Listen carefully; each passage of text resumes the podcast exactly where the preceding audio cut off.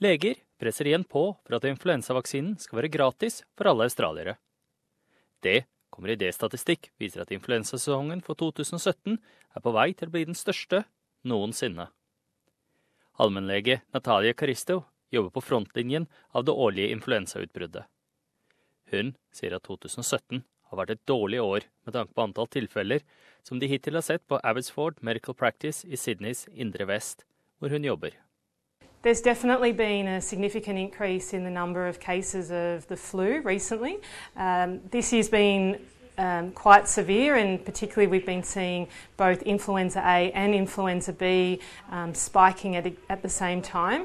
And the type of illness that we've been seeing has been quite severe, particularly hitting um, the more vulnerable members of the population. Pågangen av influensainfiserte pasienter ved dr. Karistos praksis er en del av en utbredt økning i antall tilfeller. Professor Bill Rawlinson, medisinsk virolog med New South Wales Health Pathology, sier den potensielt rekordstore økningen begynte for fire uker siden. They've come up very quickly, so we haven't had many cases. Then, about mid July, all of a sudden, we saw a really big uptick in the number of cases. We're still midway through. We're really at the peak of flu at the moment, and what we would normally see is over the next two to three weeks um, falling numbers but continuing flu. At, at the moment, it does appear that the rise has been higher than in previous years. I løpet av de siste ti årene har antall laboratoriebekreftede influensatilfeller gått kraftig opp og ned. Fra litt over 10 000 i 2007 klatret den til over 90 000 i fjor. Det høyeste antallet registrerte tilfeller i løpet av ett år var i 2015, med over 100 000 registrerte tilfeller. Så langt i år har over 75 000 infeksjoner blitt bekreftet, lett over tallene på samme stadie det året. Dr. Bastian Seidel ved Royal Australian College of General Practitioners sier at laboratoriebekreftede tilfeller kun er en liten del av historien. Every year we are seeing 300,000 Australians who do contract the flu. 18,000 of them are going to be admitted to hospital because of complications. And unfortunately, 3,000 Australians will die from complications of influenza.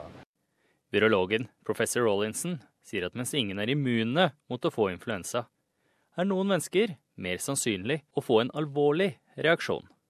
People with diabetes, people with chronic heart or lung disease, people who've received transplants, uh, Aboriginal Torres Strait Islanders who are uh, over, particularly over the age of 50, um, as well as elderly people, and they're defined as over 65. Those groups are really at risk of more severe illness.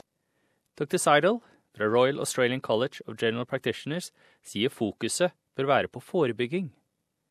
Han foreslår at regjeringen bør gjøre influensavaksiner gratis for alle australiere.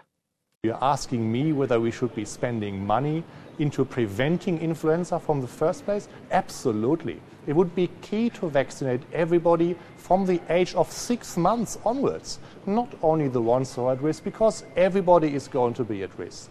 You know, influenza doesn't ask any questions, it can affect everybody.